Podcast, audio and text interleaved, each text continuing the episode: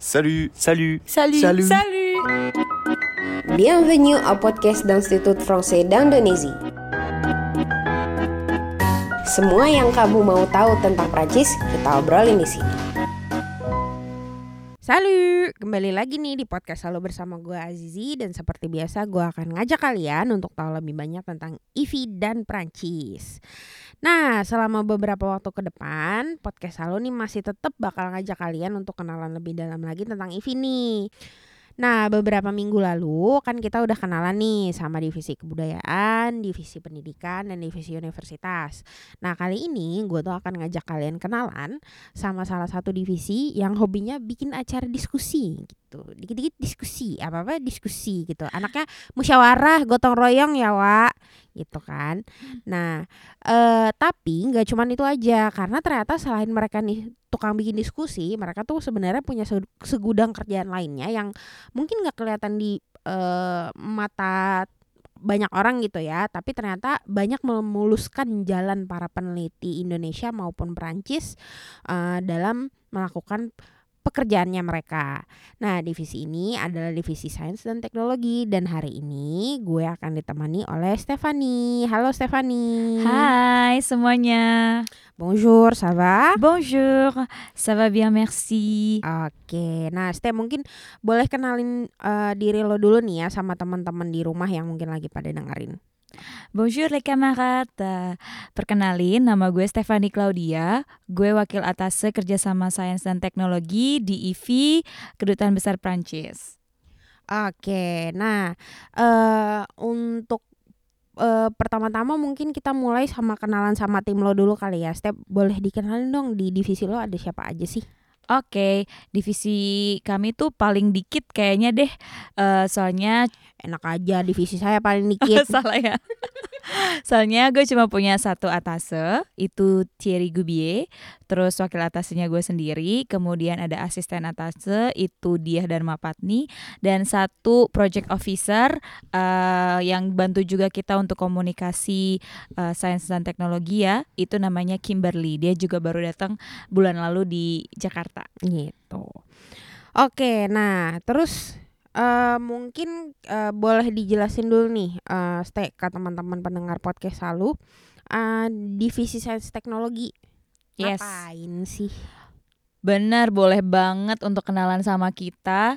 Divisi Sains dan Teknologi ini punya tiga objektif dalam eh, melakukan kerjasamanya, yaitu menghubungkan, mendanai, dan mempromosikan sains ke publik luas. Kalau menghubungkan di sini maksudnya memfasilitasi peneliti Indonesia dengan peneliti Prancis atau sebaliknya supaya mereka terhubung ya, agar terciptanya kerjasama antara dua tim penelitian. Kemudian kalau mendanai, eh, kita mendanai proyek penelitian gabungan Indonesia Prancis bahkan Timor Leste karena kan kedutaan besar Prancis untuk Indonesia, Indonesia dan dan, Timor Leste. Leste. Betul. Dan ASEAN ya? Hmm, Hmm. dan untuk ASEAN juga melalui beasiswa apa? Eh, ada beasiswa doktor, ada juga hibah, ada juga dana mobilitas penelitian. Nah, yang paling menarik nih yang ketiga yaitu mempromosikan sains eh, dengan menyelenggarakan yang tadi lo bilang Tukang bikin diskusi. diskusi. Yes, seminar, expo, conference. Nah, seputar apa sih? Seputar topik-topik penelitian terkini dan yang menjadi prioritas untuk kedua negara. Kita juga datengin para pakar-pakar di berbagai bidang untuk bisa eh, memberikan eh, seminar eh, dan juga meramaikan acara-acara kita.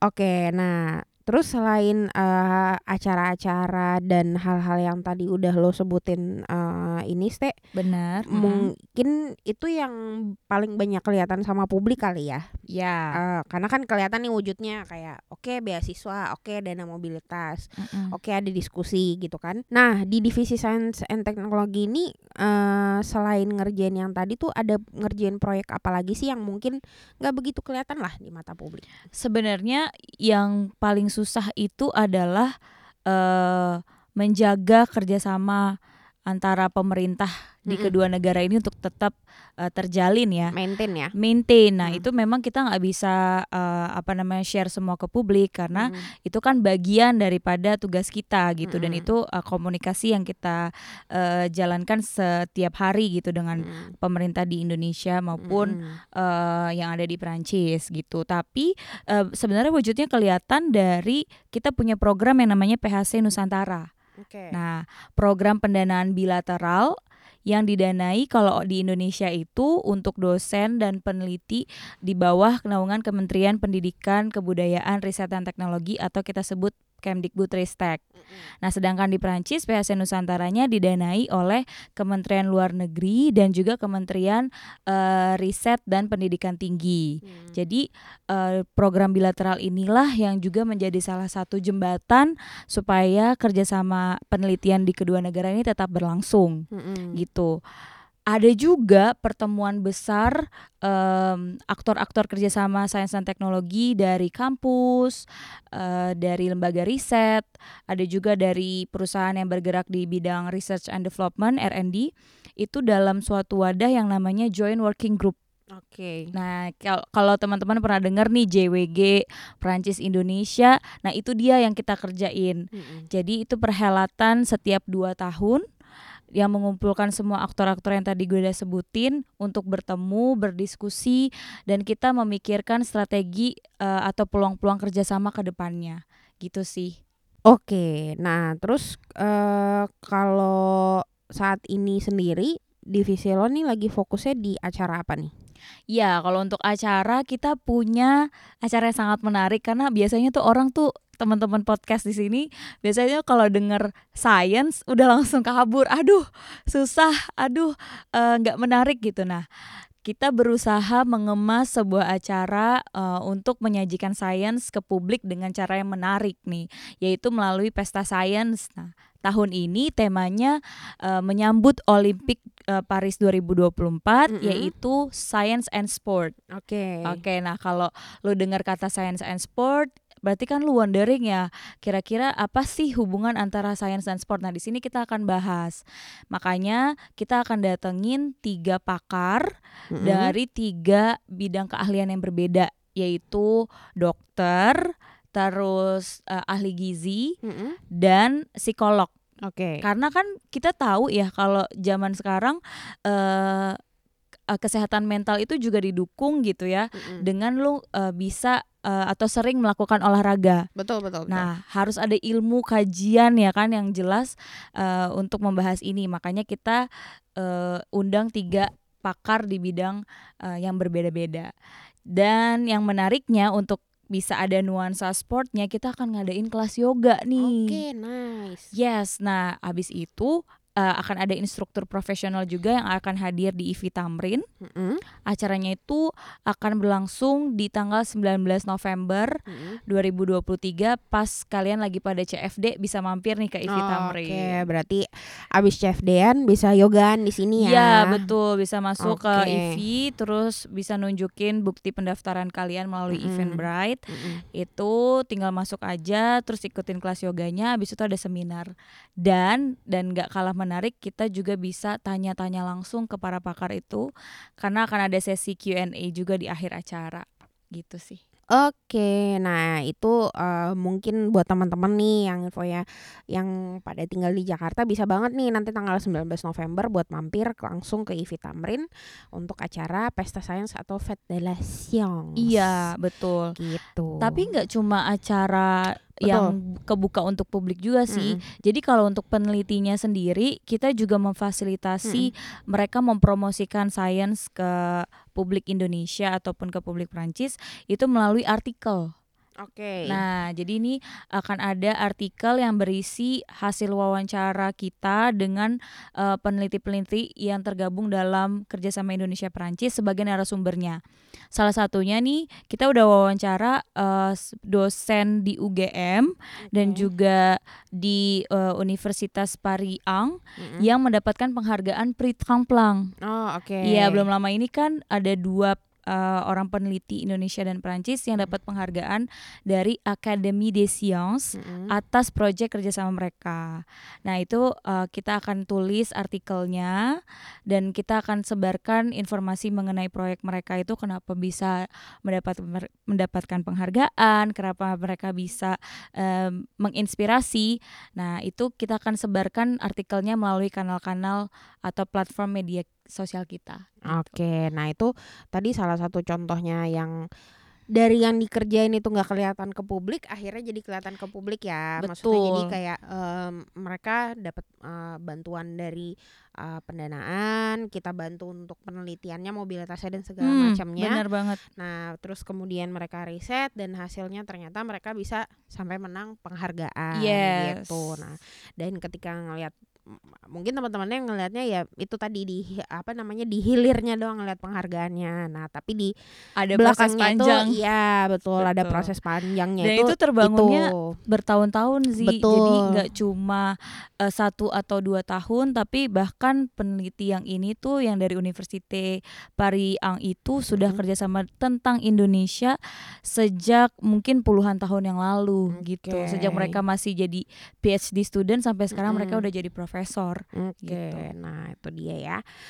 Nah itu kan tadi kita udah ngomongin kerjaan-kerjaan yang lu kerjakan lah ya Yes. gitu. Nah sekarang kalau misalnya ada mungkin teman-teman podcast selalu di rumah, mungkin kalian eh, researcher atau misalnya kalian mahasiswa gitu kan, pengen kerja sama nih Hmm. sama divisi sains dan teknologi gitu, bisa kayak apa aja sih contohnya? boleh banget ajuin kerja sama. Misalnya kalian mengadakan eh, kampus kalian atau lembaga riset kalian mau mengadakan seminar atau conference lalu butuh pembicara dari Perancis. Nah boleh banget nih hubungin kita. Eh, kita juga bisa menghubungkan kalian mencarikan siapa pembicara Perancis yang potensial di bidang tersebut. Sekaligus nih bonusnya kita juga bisa mendanai kedatangan mereka.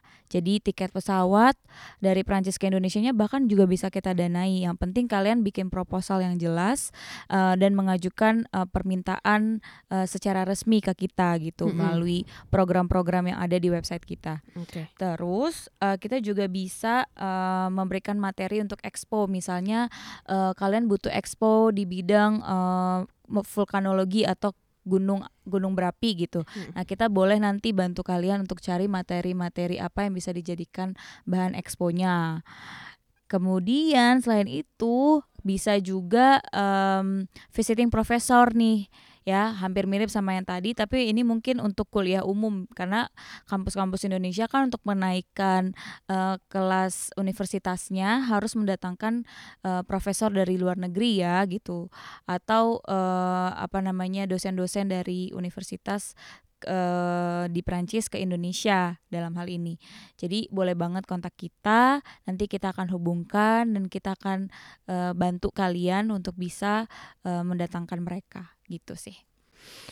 Nah, itu dia tadi eh, beberapa bentuk kerjasama yang memungkinkan nih ya kalau mau kalian propose ke divisi sains dan teknologi gitu.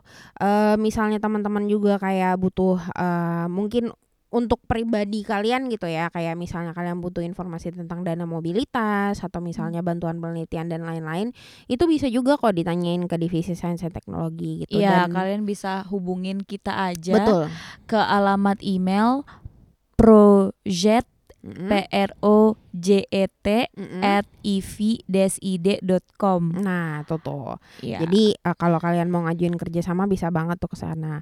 Dan ini sebenarnya tadi yang Stefani bilang nih eh s- sama me- jadi mengungkit lagi yang kemarin-kemarin eh gua udah bahas sama teman-teman dari divisi lainnya kalau memang kita tuh benar-benar kayak middleman nih antara orang eh, antara pemerintah Perancis eh, antara Perancis dan Indonesia nggak cuma pemerintah ya Iya, karena kan betul. nggak ba- kerjasama kita nggak terbatas hanya dari harus dari pemerintah aja gitu kita kadang menghubungkan komunitas ya bisa menghubungkan para artis secara individual juga bisa gitu loh jadi untuk teman-teman yang mungkin pengen eh, nyari peluang kerjasama kayak misalnya dari di eh, nggak cuma dari sains dan teknologi tapi juga dari bidang-bidang lainnya itu bisa banget diajuin ke IVI Iya. gitu Tapi eh, mungkin ada tips and trick nih ya dari Betul. kita. Eh, kalau teman-teman researcher yang belum ngerti caranya kontak peneliti di Prancis bi- eh, sebelum datang ke kita gitu ya, Mm-mm. lebih baik kalian tuh udah lakukan riset dulu. Oke. Karena kan eh, ada platform-platform yang tersedia kayak ResearchGate, Scopus, Google Scholar itu Mm-mm. bisa bantu kalian untuk lihat peneliti mana yang bekerja di bidang yang sama dengan Oke. kalian. Mm-mm. Nah, setelah kalian menemukan namanya institusinya lalu kesulitan mencari alamat emailnya baru hubungin kita. Mm-mm. Supaya apa? Supaya bisa terbangun lebih cepat nih komunikasinya kalau kita dulu yang nyari Mm. bayangin kan kita manage uh, Indonesia seluruh Indonesia ya Betul. dan juga kita juga manage yang ada di Prancis Hmm. pasti uh, antriannya akan panjang nih Mm-mm. tapi kalau kalian datang dengan kalau dengan lebih spesifik, tuh pasti Spesifik. pastinya lebih, Lebih mudah. juga kita Iya, ngebantunya benar. gitu. Jadi itu tadi kayak Stefani bilang kalian bisa cari tahu dulu mungkin kalian mau riset di topik apa atau Iya. kalian dari backgroundnya bidang apa nah kalian bisa cari peneliti Prancis yang backgroundnya kurang lebih sama sama sama Iya. kalian keyword keywordnya itu Betul, dari bidang ha-ha. keahlian kalian ditaruh Benar. aja diketik di Google Scholar di Hmm. Scopus nanti akan muncul atau mungkin kalian juga bisa manfaatin uh, network kalian yang ada di kampus masing-masing Mm-mm. misalnya uh, Azizi udah kerjasama dengan Universitas Paris Saclay betul ya, gua satu uh, kampus sama lu gue pengen tanya ke lu Mm-mm. gitu loh Mm-mm. Zi lu kenal siapa di kampus Mm-mm. uh, Paris Saclay ini yang bisa lu kenalin ke gue Iya itu itu gitu. mungkin yang juga sering terlewat kali ya dari Iya. teman-teman mahasiswa. Maksudnya ya ngerti sih gitu. Memang mungkin kalau di Universitas Indonesia ya memang sebenarnya intinya sih kalau misalnya kita nggak nyari tahu nggak bakal tahu Nggak bakal gitu. tahu.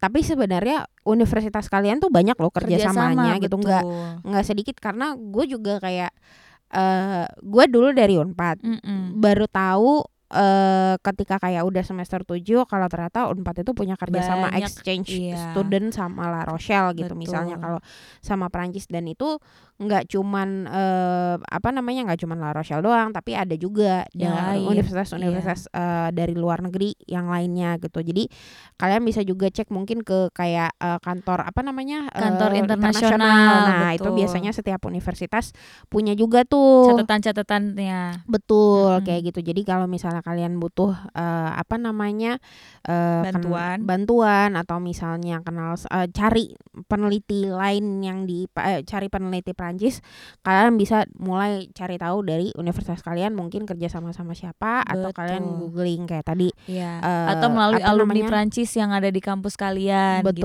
gitu. bisa juga kayak banyak kan gitu. eh, dosen-dosen udah masternya di sana atau PhD-nya di sana Mm-mm. gitu kan itu bisa banget kebantu kalian untuk membuka akses yang lebih luas ke Prancis Betul. Nah, daging banget nih kan obrolan gue dari tadi nih sama Stefani bisa banget nih jadi insight menarik buat kalian eh yang mungkin lagi cari-cari peluang kerja sama untuk penelitian kalian ya. Ah, merci beaucoup Stefani. sama-sama Zizi merci au revoir Oke.